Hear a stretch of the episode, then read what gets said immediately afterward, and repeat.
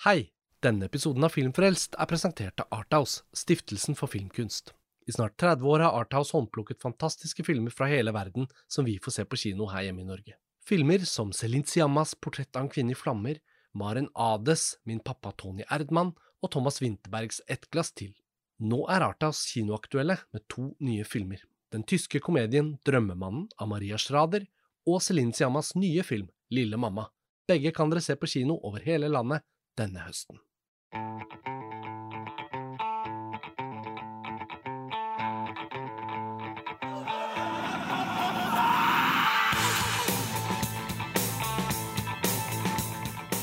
Hei og velkommen til en ny episode av Filmfrelst, podkasten fra filmtidsskriftet montasj.no. Mitt navn er Karsten Meinick, og i kveld sitter jeg her over Skype sammen med Tor Joakim Haga. Hei, Tor Joakim. Hallo, ja. Og Roskva Koritsinski. Hei, Roskva. Hallo. Vi tre har jo ikke vært eh, samlet til en podkast på en veldig god stund, og da er det jo desto hyggeligere at anledningen er en sånn skikkelig kinoaktuell storfilm, nemlig James Bond No Time To Die. Den avsluttende filmen av fem med Daniel Craig i hovedrollen. Og um, ja, filmen har jo hatt premiere nå eh, 1. oktober, og Norge har jo gjenåpnet bare en liten uke før, så for veldig mange, også sikkert dere lyttere, så er dette den store gjenåpningskinofilmen. Og i løpet av premierehelgen så solgte den jo 150 000 billetter i Norge, og det er liksom under pandemien ingen film har vært i nærheten av å selge så mange kinobilletter så fort, så på mange måter så er dette litt en sånn markør også i den tiden vi lever i. Så det er mange liksom ting å å si at denne filmen markerer, og den da helt åpenbare tingen det markerer, er jo avslutningen på en epoke i nyere James Bond fra 2006, da Casino Royale kom, med Daniel Craig i sin første film som Bond, og så da Quantum of Solace og Skyfall og Spectre, og nå No Time To Die. Så med det som utgangspunkt så tenkte vi egentlig bare å kaste oss inn i denne nye filmen, som vi alle tre har sett på kino. Dere to så den på pressevisning i Oslo. Jeg har vært forkjølet en uke og måtte utsette litt. Eh, og så den på vanlig kino da jeg var frisk. Så det var litt sånn gøy å sitte blant eh, publikummet på en helt vanlig kinovisning og kjenne på den skulder-til-skulder-følelsen igjen med James Bond på lerretet. Så vi har også bestemt oss for å komme med spoilers. Eh, det er jo faktisk ikke alltid det er sånn spoilermateriale i Bond-filmer, men i denne filmen er det det, og derfor uh, kan vi bare si at alle som hører på podkasten og ikke har sett Bond-filmen ennå, så burde dere se filmen før dere hører denne episoden. Så herfra og ut så blir det spoilers, så vær på vakt. Og for alle dere som da har sett filmen, så er det jo ekstra gøy å snakke om spoilerne, fordi det føler jeg er en del av samtalen. Så det får markere introen. Um, så jeg vet ikke helt hvor vi skal starte. Tor Joakim, vi ble vel litt enige om før opptaket at verken du eller jeg, Odd eller du, Roskva, er sånne voldsom, voldsomme Bond-fanatikere, på en måte. Nei, og det er jo litt sånn svakhet, kan man si, at jeg kan ikke liksom trekke opp mange obskure referanser og, og, og linker opp av hatten og sånn, som jeg ikke at jeg gjør det med, alle filmer, men jeg kan ikke gjøre det her heller. Og, eh, nei, altså jeg, jeg, har ikke, jeg, har på en måte ikke vokst opp med dem. Jeg, jeg så noen små glimt i, i, barndommen. Jeg kan huske å ha sett noen enkeltscener og sånn. Så så jeg kanskje On Her Majesty's Secret Service langt opp i tenårene. Og så hadde jeg en sånn skikkelig session her i ja, 10-15 år siden hvor jeg så alle filmene da, fra start til slutt. Men Eh, jeg er ingen eh, Bond-nerd, altså, dessverre. Jeg skulle gjerne vært det, men jeg er ikke det. Hvordan har filmene liksom spilt inn i din sånn oppvekst og sånn, eh, Roskva? jeg følte jo det var sånne filmer du alltid gikk på TV, så på en eller annen måte så fikk man jo sett noen Bond-filmer. Ja, eh, jeg veit ikke om jeg så så mange av dem på TV, i og med at vi hadde veldig begrenset kanalutvalg i min oppvekst. Men eh, jeg husker at eh, faren min var litt opptatt av de gamle Bond-filmene, og det lurer jeg på om han var fordi hans far var litt opptatt av det. Så han viste meg liksom noen av de der gamle klassikerne og var liksom interessert i at broren min og jeg skulle kjenne til den delen av populærkulturen. Mm. Så jeg vet at jeg har sett noen av dem uten at jeg nå husker liksom spesifikt hvilke jeg har sett og ikke sett og sånn. Og så hadde jeg faktisk en venninne også på barneskolen som var veldig opptatt av Bond, og hun hadde flere kanaler så hun, eh, og DVD-spiller og det hele. Så hun tror jeg også jeg så noen Bond-filmer hos. Men for meg også så er dette her jeg har ikke, Som Tor Joakim så har jeg ikke sett opp igjen eh, alle de gamle og sånn. Og jeg har bare fulgt sånn halvveis med på de nye som har kommet de siste 15-20-årene også. Mm. Så jeg har det liksom Jeg kjenner mytologien, og jeg kjenner liksom typene og sånn, men, men, men jeg har ikke noe sånn oversikt over universet. Det har jeg ikke. Jeg tenker Det er litt sånn fint premiss også å presentere for lytterne, fordi veldig mange er jo ganske glad i James Bond-filmer og ser dem sånn litt sånn av og til. Noenlunde sporadisk. Kanskje sett over halvparten av alle. Fulgt med sånn passe. Og så er det litt sånn hvor gammel er man, i hvilken alder og når kom det nye Bond-filmer da man var liksom ungdom og liksom gikk og så dem på kino. Hvilke har man sett på TV, og hvilke er liksom nye nå? da, ikke sant? Jeg tenker Det er veldig sånn ulikt fra generasjon til generasjon. Og eh, Montage har jo sine båndeksperter og sånt, men jeg tenkte kanskje det var en liten kvalitet at vi tre hadde litt sånn lavskuldret forhold til James Bond nå som vi skal gå inn i den nye, da. Fordi jeg tenker noen ganger at den der fandomen kan bli vel overspesifikk, eh, og kanskje til og med også for kritisk, på en måte. Når noe ikke fungerer, så blir det sånn overdrevent helt feil, eh, og kanskje litt for eh, hyllestaktig når, eh, når, de syns alt stemmer, da. Så, men med det som utgangspunkt, kanskje Roskva, for å, for å la deg fortsette litt. Daniel Craig som Bond, altså de av filmene du har sett med ham i før nå, hvordan syns du han fungerer som en filmskuespiller i en sånn type rolle? Nei, altså han ble jo eh, Bond da jeg var 16-17, og jeg husker at da stusset jeg veldig over det valget, uten at jeg kjente til han som skuespiller, men jeg tror det bare var rent sånn utstrålingen hans som brøt litt med den der gamle, kanskje klassiske sjarmen som jeg forbandt bånd med. Jeg syns liksom han var en litt annen type.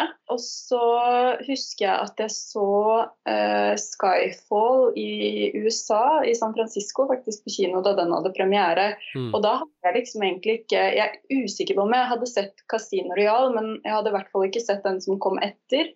Og følte vel at liksom bånd på meg var noe som tilhørte primært barndommen. da. Mm.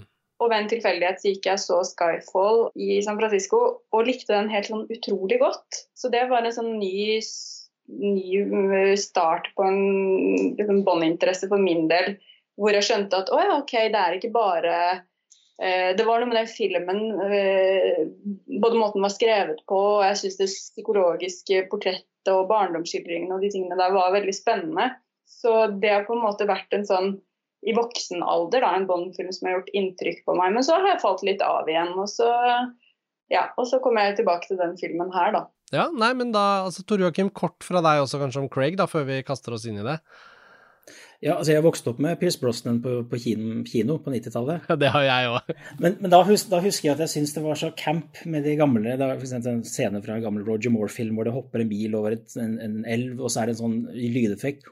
Woo, woo, sier det, og så hopper han over. Det var, det var en veldig sånn camp-effekt ved dem. Og det er, det, altså det, det er poenget mitt, at når, når eh, Craig begynte med, med sin serie i ja, midten av 2000-tallet, så var det en bånd som var mer myntet på meg, for det, det var en bånd som tok opp i seg mye fra en annen JB, som gjorde stort mm. inntog på den tiden, nemlig Jason Bourne. Mm. Eh, den tok opp i så mye av det, og det ligger mye nærere min, min preferanse i forhold til uh, tekstur og, og, liksom jordnærhet da, enn en det de gamle båndene hadde hatt. Og det gjelder jo også Craig, som med den litt sånn mer innbitte, mutte fremtoningen enn de gamle. Det var også noe som jeg likte godt. Så jeg er faktisk uh, glad jeg, i de uh, Craig-filmene. Jeg syns de er de beste av alle båndene jeg har sett. Ja, men så spennende. Da har vi liksom et utgangspunkt her. Jeg tenker at Hvis jeg skulle si én kort ting om Craig, så tror jeg det bare handler om det at han, han har aldri et smil på lur. Og det, og det, er en sånn liten karakteristikk jeg alltid har følt med James Bond, at i det minste så har han alltid et smil på lur. Litt sånn som Indiana Jones i Harrison Fords skikkelse er det i de filmene. At liksom, uansett hvilket alvor han er omgitt av, og også for så vidt hvor klovnete og tullete filmen er, så er det litt sånn at han tar brodden av det for oss, fordi han har et smil på lur og sier skål, og så bare beveger han seg videre, på en måte. Og Pierce Brosnan Golden Eye er min James Bond-favorittfilm, og jeg har ikke sett absolutt alle Bond-filmene, altså, så det er sikkert mulig for meg å gjøre en oppdagelse et eller annet sted og få en ny favoritt, men det vil nok alltid være Golden Eye, bare rett og slett fordi jeg var i rett alder. ikke sant? Jeg var tolv da den kom, mm. og så den på kino og syntes det var storartet. Uh, og syntes det var en veldig bra actionfilm. Og Martin Campbell, som gjorde den, fikk jo da jobben med å også uh, introdusere Craig så han lagde jo Casino Royale i tillegg. Så han Martin Campbell, newzealandske regissøren som egentlig bare er kjent for disse actionfilmene han har lyktes så bra med, han, han fikk den oppgaven både for Pierce Brosnan og Daniel Craig, da, med å sette liksom første film med en ny bånd. Så det er litt sånn interessant trivia der. Og så var det jo Sam Mendes da, som gjorde Skyfall Roscoa, som også jeg jevnt over føler er den med sånn på en måte alvorlig kunstnerisk anerkjente Mm. Bonden, eh, kanskje, på, kanskje noensinne på en eller annen måte. Og så gjorde den jo det enormt bra på kino i forhold til å spille inn eh, over en milliard dollar på verdensbasis og sånn. Så i, i løpet av Craig-perioden så har det jo også vært en sånn voldsom oppkommersialisering, og, og på en måte også har filmene blitt enda større enn de allerede var, da, sånn i storslåtthet, og actionsekvensene skal alltid være litt eh, ekstra sånn. Så det bringer oss da til slutt til No Time To Die. Og Vi trenger ikke snakke så mye om at den har vært utsatt. Det har vært litt sånn, Først skulle jo Danny Boyle gjøre den, og så bytte til regissør til Kari Yoji Fukunaga, amerikansk eh, japaner, eh, men eh, liksom kjent først og fremst som en amerikansk indie-regissør, frem til han gjorde True Detective på HBO. Og så er det jo Craigs liksom offisielt siste film. Det er liksom blitt offentliggjort, sånn at liksom nå som vi alle gikk til filmen, så var det allerede klart. Og det, når man har sett filmen, så skjønner man i hvert fall hva de mener. og Roskva, hva var liksom første feelingen din da du gikk ut av kinosalen? Hva syns du om uh, denne nye Bond-filmen? Kort oppsummert så uh, var jeg jo uh, mer underholdt enn det jeg pleier å være når jeg ser den type film. samtidig som jeg var litt sur da jeg kom ut av salen, fordi på mange måter så opplever jeg filmen som veldig jeg gikk da med Skyfall på en måte i mente inn for å se denne filmen. Og sammenlignet med den, men også sammenlignet med Tenet, som det ble veldig naturlig for meg å på en måte sette den opp mot. Mm. Som var den, store, nei, den forrige storfilmen jeg så under pandemien. Mm. Så framstår den som veldig sånn flat og estetisert på en måte som i hvert fall for meg føles veldig hul. da, Og så kan man jo si ja, det skal bare være en underholdningsfilm, og den skal ikke tilby noe mer osv. Men det er jo noe av det jeg f.eks. liker så godt med Tennet, da, som mange har sammenlignet med Bond, eh, og sagt at kan kalles en slags eh, Christopher Nolan-Bond-film. At der har du eh, både i det estetiske uttrykket, i alle detaljene, i alle lagene, så når du begynner å på en måte undersøke hva som fins i den filmen, så vil det på en måte hele tiden skape en større kompleksitet, en større dybde, nye veier inn. Og alt virker så utrolig kresent utvalgt. Mens i denne filmen så får jeg litt mer en følelse av å bla i et sånn type interiørmagasin, hvor hvor på en måte overflaten tilsynelatende er veldig megetsigende, men når du begynner å skrape i den, så er det egentlig bare estetikk. da. Du har f.eks. en sånn type både skandinavisk estetikk og en japansk estetikk som, som på en måte de bruker for alt det er verdt til å lage noen veldig flotte interiører og, og, og sånne ting. Så det er ikke det at det ikke er flott, men det bare framstår som, for meg i hvert fall, som påklistra og som på en måte estetikk for estetikkens skyld, uten at jeg syns at det egentlig spiller organisk ut fra manus og fra fortellingen. Mm. Så absolutt underholdt, men det var liksom ingen mat, på en måte. Ingenting å tygge på etterpå. Eh, sånn opplevde jeg den, da. Og da, da blir det litt for eh, meningsløst eh, for meg. Ja, altså jeg deler faktisk en del av betraktningene her til Roskva. Det er to argumenter i hvert fall som man kan trekke frem. Det ene er at det, filmen er i utgangspunktet oversiktlig. Jeg går meg ikke vill i den sånn som jeg ja, gjør i Tennet f.eks. Men eh, så er det noe rytmisk merkelig med den. Eh, I hvor lenge man er på stedene, og hvordan man kryssklipper mellom eh, forskjellige steder. Det er, det er noe, liksom, noe, som lugger litt eh, i denne filmen, føler jeg. Det er liksom den ene tingen. Rytmen og drivet i det. Det andre er, og der er jeg enig med, med Roskva, i, i liksom det visuelle uttrykket. Og det er jo naturlig å trekke frem Uh, Skyfall. Uh, det er kanskje noen vil si det er urettferdig å sammenligne Roger Dickens med han godeste heter han Linus Sandgren, som har denne. Mm. jeg er ikke noen sånn kjempestor fan av det Sandgren har gjort for seg selv, f.eks. Um, men altså, Skyfall har jo da, selv om man har glemt historien, så husker man kanskje særlig denne finaleakten i dette her liksom pastorale skotske landskapet med gul og oransje, det, altså høstlig med, med, med, blader på bakken og litt sånn tekstur og gufs i, i lufta. Det, det, sitter igjen. Mens her følte jeg liksom ikke det var den, noe som Selv ikke den, de scenene som utspiller seg i Norge, har en, en sånn veldig helhetlig estetikk over seg. Så jeg, jeg savnet et, et, sterkt visuelt avtrykk, og så syns jeg den var rett og slett litt urytmisk til tider. Eh, altså det er de to, Jeg syns det er gode ting med filmen, men det er liksom to innsigelser som gjorde at jeg gikk ut av salen med litt sånn ambivalent eh, følelse, da. Men da er vi tre egentlig ganske kjedelig enige, tror jeg, da, fordi jeg syns jo disse poengene er veldig lette å kjenne igjen fra hvordan min opplevelse av filmen var. Så uten å gjenta det, så kan jeg kanskje føye til litt at ved siden av at den er en såpass og altfor profesjonell underholdningsfilm til å mislykkes helt på det planet, for jeg var jo liksom med, så opplevde jeg at den hadde den derre det, det, var som en film, eller det var som et musikkstykke som hele tiden lette etter å komme inn på, ta, på takten sin, liksom, på sporet. Ja. Eh, mm. Uh, og det er jo det du er inne på, Tor Joakim, og det kjente jeg meg innmari igjen i. at blanding av liksom hele liksom flyten i liksom ganske lang åpningssekvens, og så er det liksom fem år senere, og så er det litt sånn restarting av plottet. Og så er det liksom hvordan det veves inn igjen. Og til forskjell fra det jeg opplever som en slags sånn James Bond-konvensjon, som jeg liker jo godt Disse filmene bør jo være litt konvensjonelle, vise oss sånn formgrep som vi er vant med, og litt sånn stil.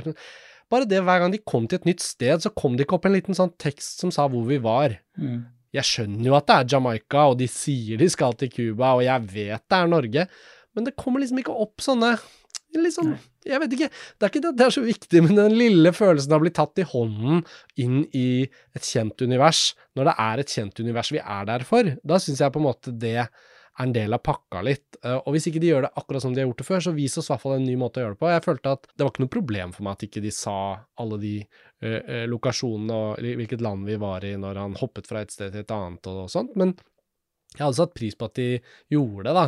Det trenger ikke være sånn Indiana Jones-kart med sånn rød pil og sånn, for det er liksom ikke Bond sin greie. Men det var sånne type ting manglet litt. Og så tenkte jeg på, når du sa det, da, Tore Joakim, at jeg syns jo heller ikke liksom komposisjonen her Det er jo Hans Zimmer, liksom, vår store helt, uh, som uh, mm. Det er som om det er liksom en eller annen liten sånn skurrende ting, da. Mm. Og så, det kan vi jo også komme inn på, når filmen også voldsomt beveger seg over i å knytte bånd, uh, sitt kjærlighetsliv inn, tidligere flammer, alle de tidligere rollefigurene, så skjønner man jo at midtveis i filmen så begynner det garnnøstet som skal nøste opp fem Daniel Craig-filmer, å gå.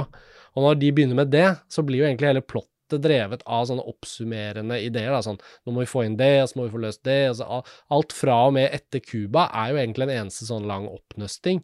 Uh, ja. Til den endelige konklusjonen, da. Så ja, vi er kanskje litt sånn uh, Vi er kanskje litt enige, men det kan vi jo bruke til noe. ja, men jeg vil jo si at du snakket om de forskjellige lokasjonene, men jeg mener også innad, når de er et sted, at det føles litt urytmisk, sånn som denne finalen denne, i denne giftfabrikken. da. Uh, mm. Vi skal bare la merke til hvor ofte den liksom hadde momentum, og så stoppa den, og så restarta den, og så stoppa den, og så restarta den.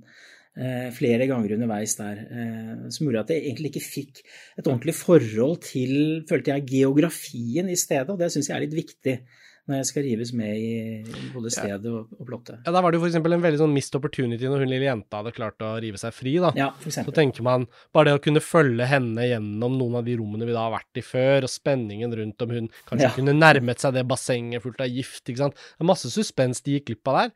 De bare lot henne være i det blå, og så plutselig så fant de henne. Så det var sånne, sånne type ting. Jeg vet ikke om dere hang dere opp i denne typen detaljer?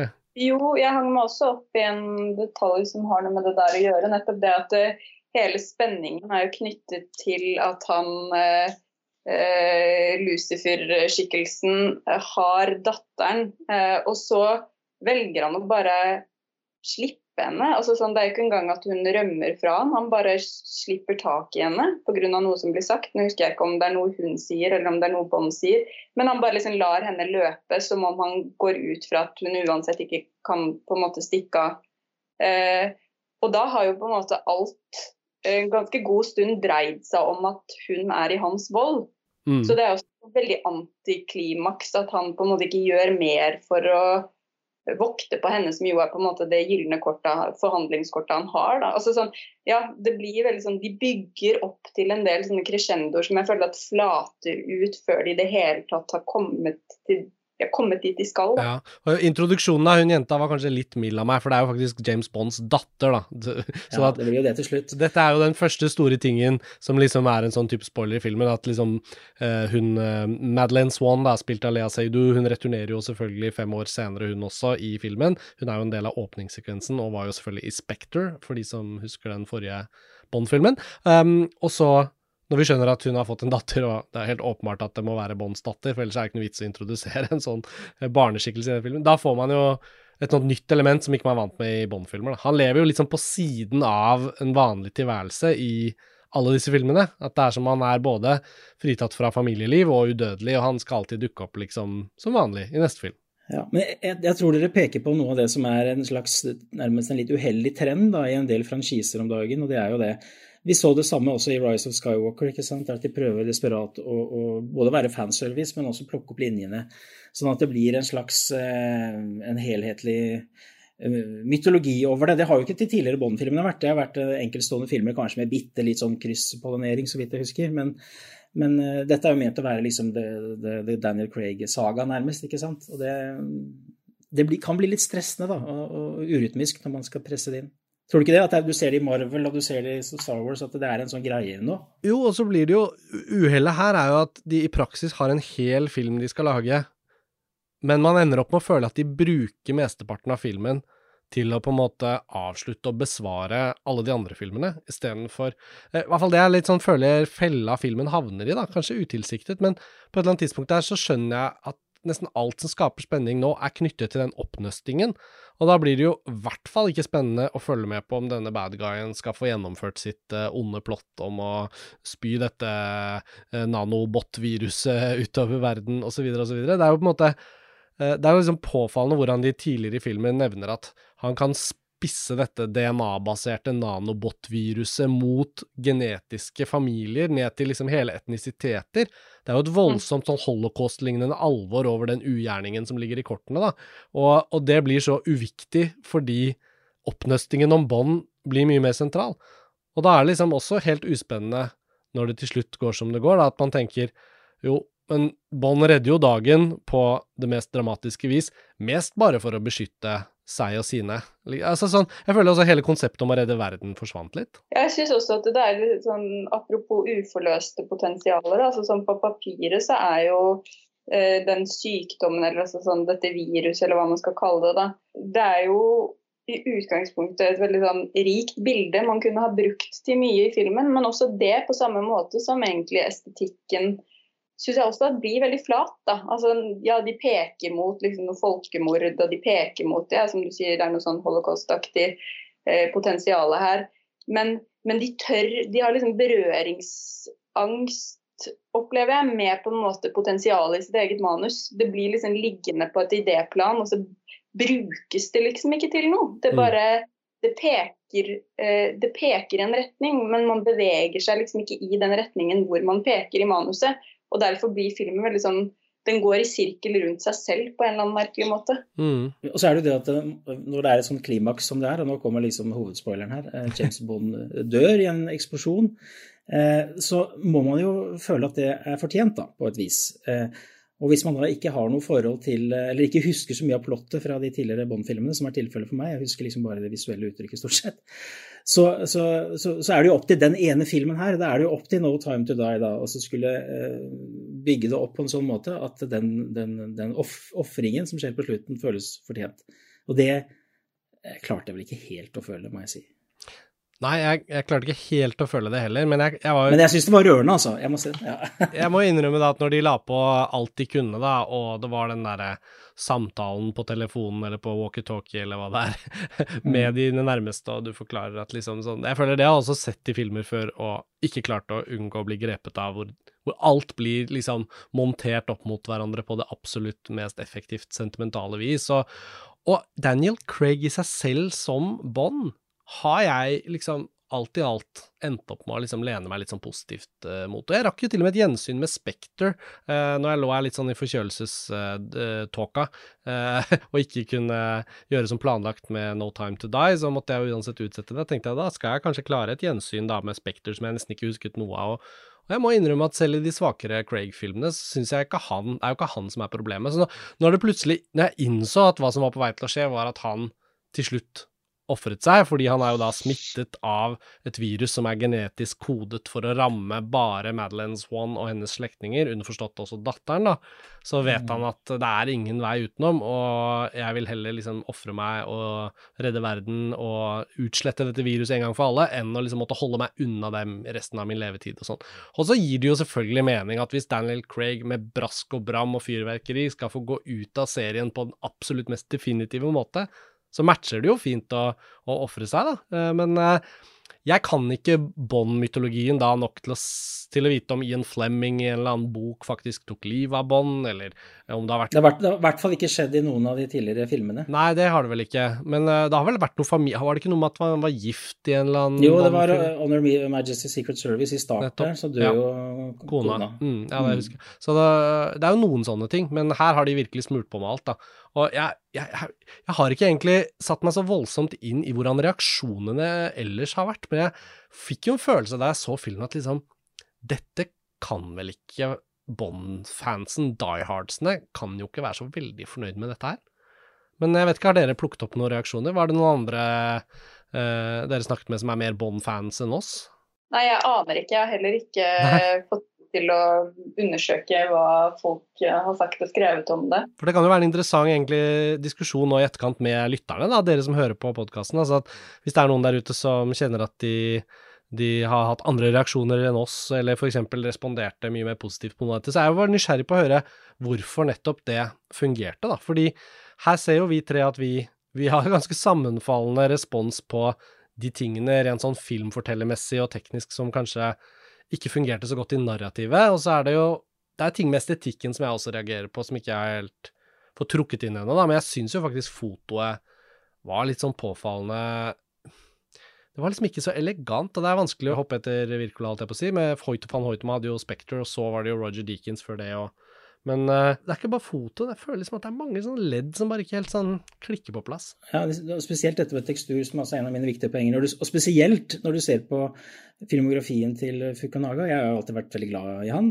Se ja, på liksom den, den skittenvakre estetikken i Sin Ombre og Jane Eyre. Jane Eyre er jo utrolig bra. Fantastisk. Den beste, beste Jane Eyre-filmatiseringen jeg har sett. Og, og Beast of the Nation har jo for så vidt også, selv om man har innsigelse mot den, så er den også veldig vakker, egentlig. Ja, han har så, jo egentlig bare gjort bra ting, så det er ikke noe rart ja. at han fikk en sånn type sånn stor jobb. Ja, så var det den It, da, som han jo da ikke endte opp med å ikke gjøre til slutt. Men uh, mm, ja. Stephen Kings It. Men, uh, men nei, altså jeg hadde, så jeg hadde litt forventninger til visualiteten i filmen før jeg gikk inn, fordi jeg visste at det var han. Uh, så det er der jeg lurer på om, om det er han Linus, eller hvem jeg skal skylda hen, da.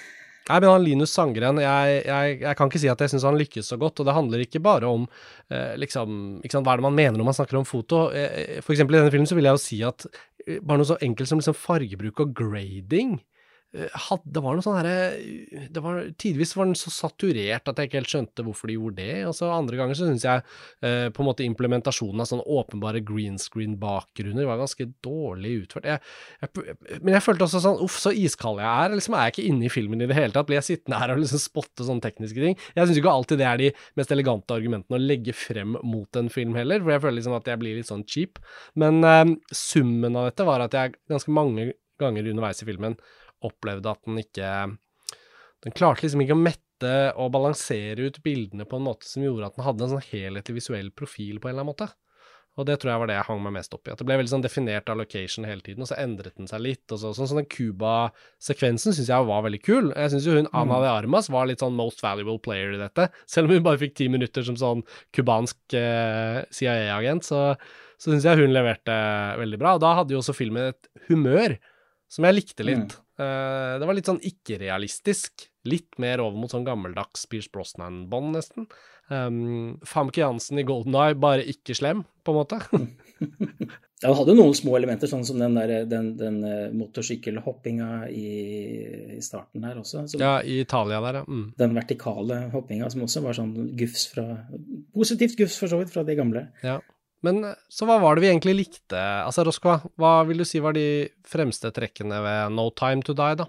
Jeg liker at denne filmen på en litt lignende måte som Tennet kanskje tar opp i seg tiden. Altså sånn, det er jo no, noe man kan både kritisere den for eller hylle den for. Altså at den er litt woke. Nå kan jo jeg ofte være litt sånn kritisk til woke-bevegelsen, hvis man skal kalle det det. eller altså sånn den, den måten å fortolke verden og mennesker på. Men samtidig så syns jeg også at det er noe litt sånn også noe litt vakkert da, i at en film som på en måte har vært så tydelig basert på noen stereotypier, på en veldig stereotypisk måte, vel å merke, prøver å, å, å, på en måte flette inn sin egen tid. da. Og så mm. kan man si at det gjøres på sjablongmessig og kanskje litt uelegant vis, men, men, men det er spennende i hvert fall. Altså, sånn du kan si jeg syns det er litt gøy å se at Bond, som på, måte, på mange måter er et sånn tidsbilde jeg forbinder med kanskje 60-tallet, eller liksom At det skjer noe med den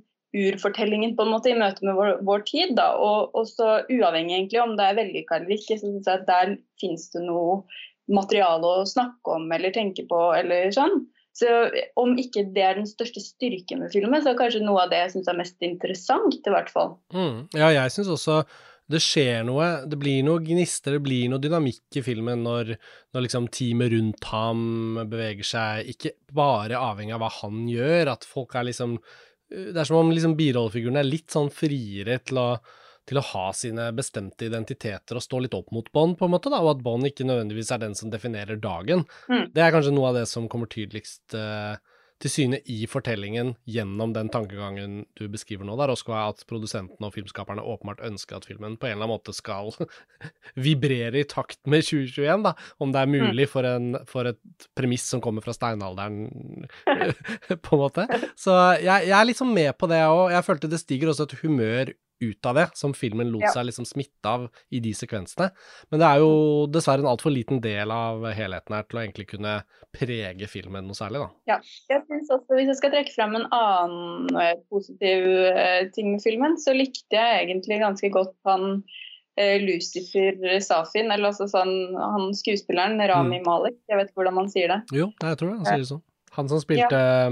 Freddie Mercury i Bohemian Rhapsody. Nettopp, den så jeg ikke. Men, um, men jeg syns altså, selvfølgelig en veldig karikert tegneserielignende skurk, men, men jeg syns at han gjør det på en overbevisende måte. F.eks.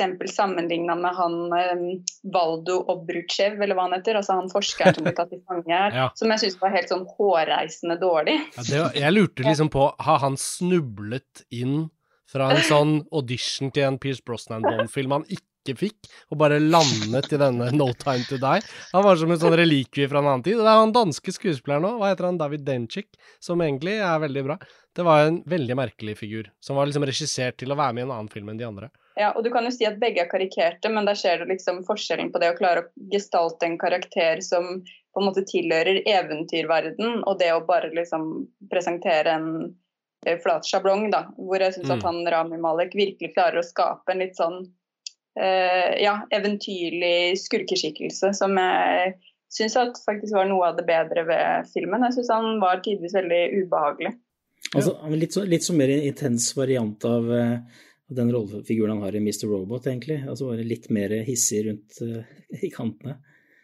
Hvis dere har sett den serien? Jeg, så jeg har ikke sett den, jeg vet det var hans gjennombrudd. Men Tore Joakim, har du noen noen favorittting ved filmen som du har lyst til å nevne? Altså, er ja, litt vanskelig å trekke frem fra det. Men jeg, jeg, som jeg sa innledningsvis, så er jeg jo positiv til hele Craig-prosjektet, hvis vi kan kalle det for det. da, Eller sagaen, eller hva du vil. altså Tilførselen av Jason Bourne-estetikken i, i, i, hvordan actionsekvensene er, og, og det visuelle uttrykket til en viss grad. Eh, og jeg har heller ikke noen problemer med at man tilfører også en større grad av eh, realisme i hvordan man spiller, og større grad av melodrama, ikke minst. Det er det jo mye av i denne filmen. Og det vet jeg at mange Bond-fans har eh, syns altså de, de, var ikke så begeistra for det alltid, at den skulle være så emosjonell sånn som den var mot slutten, men det har ikke jeg noe problem med. Altså, det er en såpass dynamisk størrelse, syns jeg, Bond-universet, at den skal, skal, kunne romme det, da. Eh, så det er liksom generelt for hele prosjektet, så syns jeg jo Hans Zimmer er inne på noen ting tidvis i sin musikk. Eh, litt sånn villig versjon kanskje av det David Arnold gjorde i sin tid, med kombinasjoner av, av orkester og synter og sånn noen referanser til gamle John Barry-ting som jeg syns var søtt i denne tidlige sekvensen. Um, mm. You have all the time, time in the world, det syns jeg var litt en flott ting. og ja, noen individuelle små Og så et lite sånn cameo også av Simmers krafthymner da, helt mot slutten i denne fabrikksekvensen, som jeg har savnet i 20 år. Så noen sånne, sånne ting jo også, kan også trekke frem. Jeg hadde et lite øyeblikk også, jeg vil bare trekke frem hvor han er der inne i denne fab nedlagte fabrikken på denne hemmelige øya hvor det skal liksom Det siste slaget skal stå, da. Og så er han plutselig inne i en sånn gang som er sånn sirkelformet, og så snur han seg og skyter en bad guy, og da plutselig er han i den åpnings Uh, grafikken ja, fra alle bånd. Ja, ja, La dere merke til det øyeblikket? Da, da, lo jeg litt sånn ordentlig. Da følte jeg sånn OK, den typen sånn vink-vink, det er jeg virkelig med på, og mottagelig for, da. Og jeg syns nesten det var synd de ikke gjorde mer ut av det. Og hele det settet på sitt beste, selv om det var litt sånn urytmisk fortalt, og hvordan man gikk frem og tilbake, og spenningsmessig var den jo minst vellykket egentlig der, i de siste 40 minuttene av filmen, på en måte. Men, men sånn rent arkitektonisk produksjonsdesignmessig så syns jeg jo at hele denne nedlagte russiske militærbasen var ganske spennende utført og brukt, da. Og mm. det var liksom noe å se på der. Så Og i tillegg til det så vil jeg kanskje avslutte for min del med at uh, det beste med filmen var egentlig bare å være på kino og se en sånn film, eh, må jeg innrømme. Og det høres kanskje ut som litt overfladisk eh, skryt, men det var egentlig litt sånn at vi har levd gjennom en utrolig spesiell tid, og med unntak av Tennet i fjor, som jeg syns er en helt sånn eh, astronomisk overlegen film i forhold til No Time To Die, så det er på en måte ikke noe spørsmål engang. Men fordi vi fortsatt var midt i pandemien og det skulle bli verre, og at ting skulle stenge ned igjen etter i fjor sommer, så opplever jeg litt at da jeg satt der nå på en sånn formiddagsvisning eh, en søndag, akkurat etter å ha blitt frisk fra forkjølelse, og sitte sånn blant masse andre folk, helt vanlige folk som bare endelig skal gå på kino igjen og kose seg, og så leverte liksom James Bond. Og det, det er jo et argument som bare gjelder akkurat nå, men det var i hvert fall noe av det fineste jeg fikk ut av å, å se denne filmen. da. Og så tenker jeg vi avslutningsvis kan bare si da er vi ferdig med Daniel Craig. Hva nå? Og min, mitt store håp er jo selvfølgelig, nå som vi har nevnt Tennet flere ganger, nå må jo det store vinduet for at Christopher Nolan får lage sin bånd, det må jo komme nå. For han må jo få lov å caste selv når han er den store action-autøren som han er. Så han kunne jo ikke tatt over en annen skuespiller fra noen andre. Så jeg vet ikke, altså, tror dere ville det vært en spennende ting for Nolan-fans også, eller ville det være liksom nedtur at Nolan bruker opp liksom en periode av sin tid som filmskaper på å lage Bond-filmer, kanskje? Nei, jeg tror det hadde vært Hvis han hadde fått temmelig frie tøyler altså sånn, Premissene ligger jo der, selvfølgelig, men mm. i og med at han ikke lever lenger, så er det jo ganske åpent hva man Det har jo aldri vært blankere ark for en ny Bond-casting og en ny prosess enn nå. Så et, Nei, etter denne filmen så er jo alt nullstilt. Jeg tenker de kan jo caste om absolutt alle, til og med M og Kanskje ikke Q, da. Jeg syns jo han er veldig skjønn, han, han, Q vi har nå. Han kan jo gjerne være med videre, men, men det føles ut som en sånn god anledning til å, til å starte helt fra scratch. Få, tilbake John Cleese, han fikk altfor liten tid i den rollen. ja, hva var det? Var det én film? Nei. Ja, det var én eller to. Ja, en eller to, ja. Legger ikke filmen her opp til altså det, det er jo sikkert ikke noe man trenger å forholde seg til. Men, men legger, den, legger, den, ikke egentlig litt opp til at det skal være en kvinne som tar over 007? Er det ikke det den prøver å fortelle oss, da? Eh, jo, men det, jeg, det er jo film, I filmen er det jo et hint om det, men hun Barbara Bro Broccoli har jo sagt at det blir en mann eh, neste gang. Så eh, spørsmålet om det blir eh, hva slags etnisitet det blir og sånn. Tom Hardy har jo vært en het kandidat, vet jeg, og han derre hva heter han der Idris Elba. Er det Idris Elba, ja. ja det kan jeg virkelig se, men han er jo faktisk eldre. Er han ikke eldre enn uh, en Daniel Craig, da? Så jeg tror det hadde vært uh, Det hadde blitt en veldig gammel Bond. Det er jo mange som også lurt på om skulle man, skulle man få se en ganske mye yngre Bond? Uh, jeg vet ikke hvilken Bond-skuespiller som har vært yngst på en måte i rollen, men uh, Bond the Beginnings. ja, ja, nei, opp, Origin Story. James Bond jr. Nei, vi får håpe at det, blir, uh, at det blir At det tar litt tid, da. Jeg tenker jo at man tåler noen pauser mellom hver gang. Og hvis de skal nullstille nå, så kan vi jo kan vi kanskje vente til samfunnet returnerer noenlunde til normalen i flere deler av verden enn bare Europa og Vesten, og så, Og så blir det jo veldig spennende å se hva de gjør, da.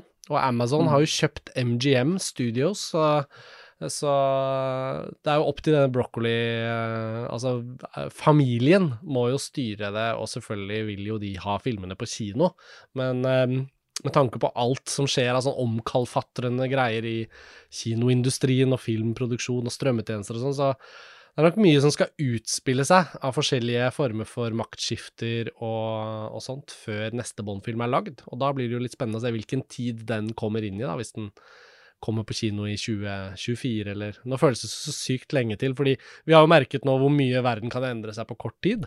Uh, det har jo skjedd før òg, men sånn, med en pandemi så føler jeg liksom at virkelig ting har blitt snudd opp ned for alle menneskene på jorden samtidig, på en måte. Da, da føles det som en Bond-film som ikke engang har begynt å bli tenkt på. Det er jo helt umulig å egentlig spekulere i, så vi får kanskje bare la det ligge, jeg vet ikke. Har dere noen avsluttende ting dere har lyst til å, å komme med? Nei, ikke, ikke, annet enn at, at, nå kommer det en, en tirade med, med, deilige storfilmer. Det, Dune og den her er liksom startskuddet, føler jeg. Ja, for det er jo selvfølgelig ikke bare James Bond uh, som er utsatt. Og, uh, det er jo mange ting å glede seg til. Roskva, har du fått sett Dune, eller? Nei, jeg har ikke fått sett noen. Nei, du kan glede deg. Vi så den jo i Venezia og har jo selvfølgelig en episode om den for noen uker siden. Men um, er det andre ting du gleder deg til å se på kino i høst, Oskar? Nei, jeg så akkurat en uh, tidlig visning av Celine Siamas uh, Petit ja. Mama. Ja.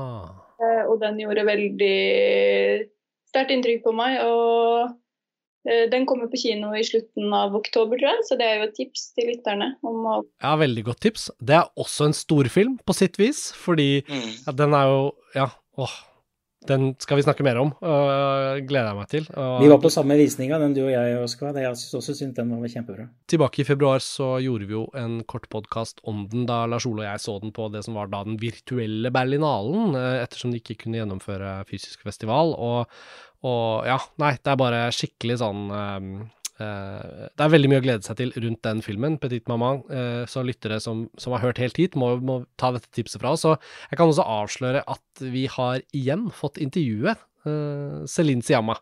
og den eneste tiden som var tilgjengelig, det var på slutten av min forkjølelse forrige uke. Så jeg ringte henne opp og sa vi har møtt hverandre før, for hun for de som husker det, så er jo hun gjest på Filmfrelst eh, for eh, snart to år siden, da hun eh, hadde premiere på Portrettet av en kvinne i flammer i Norge.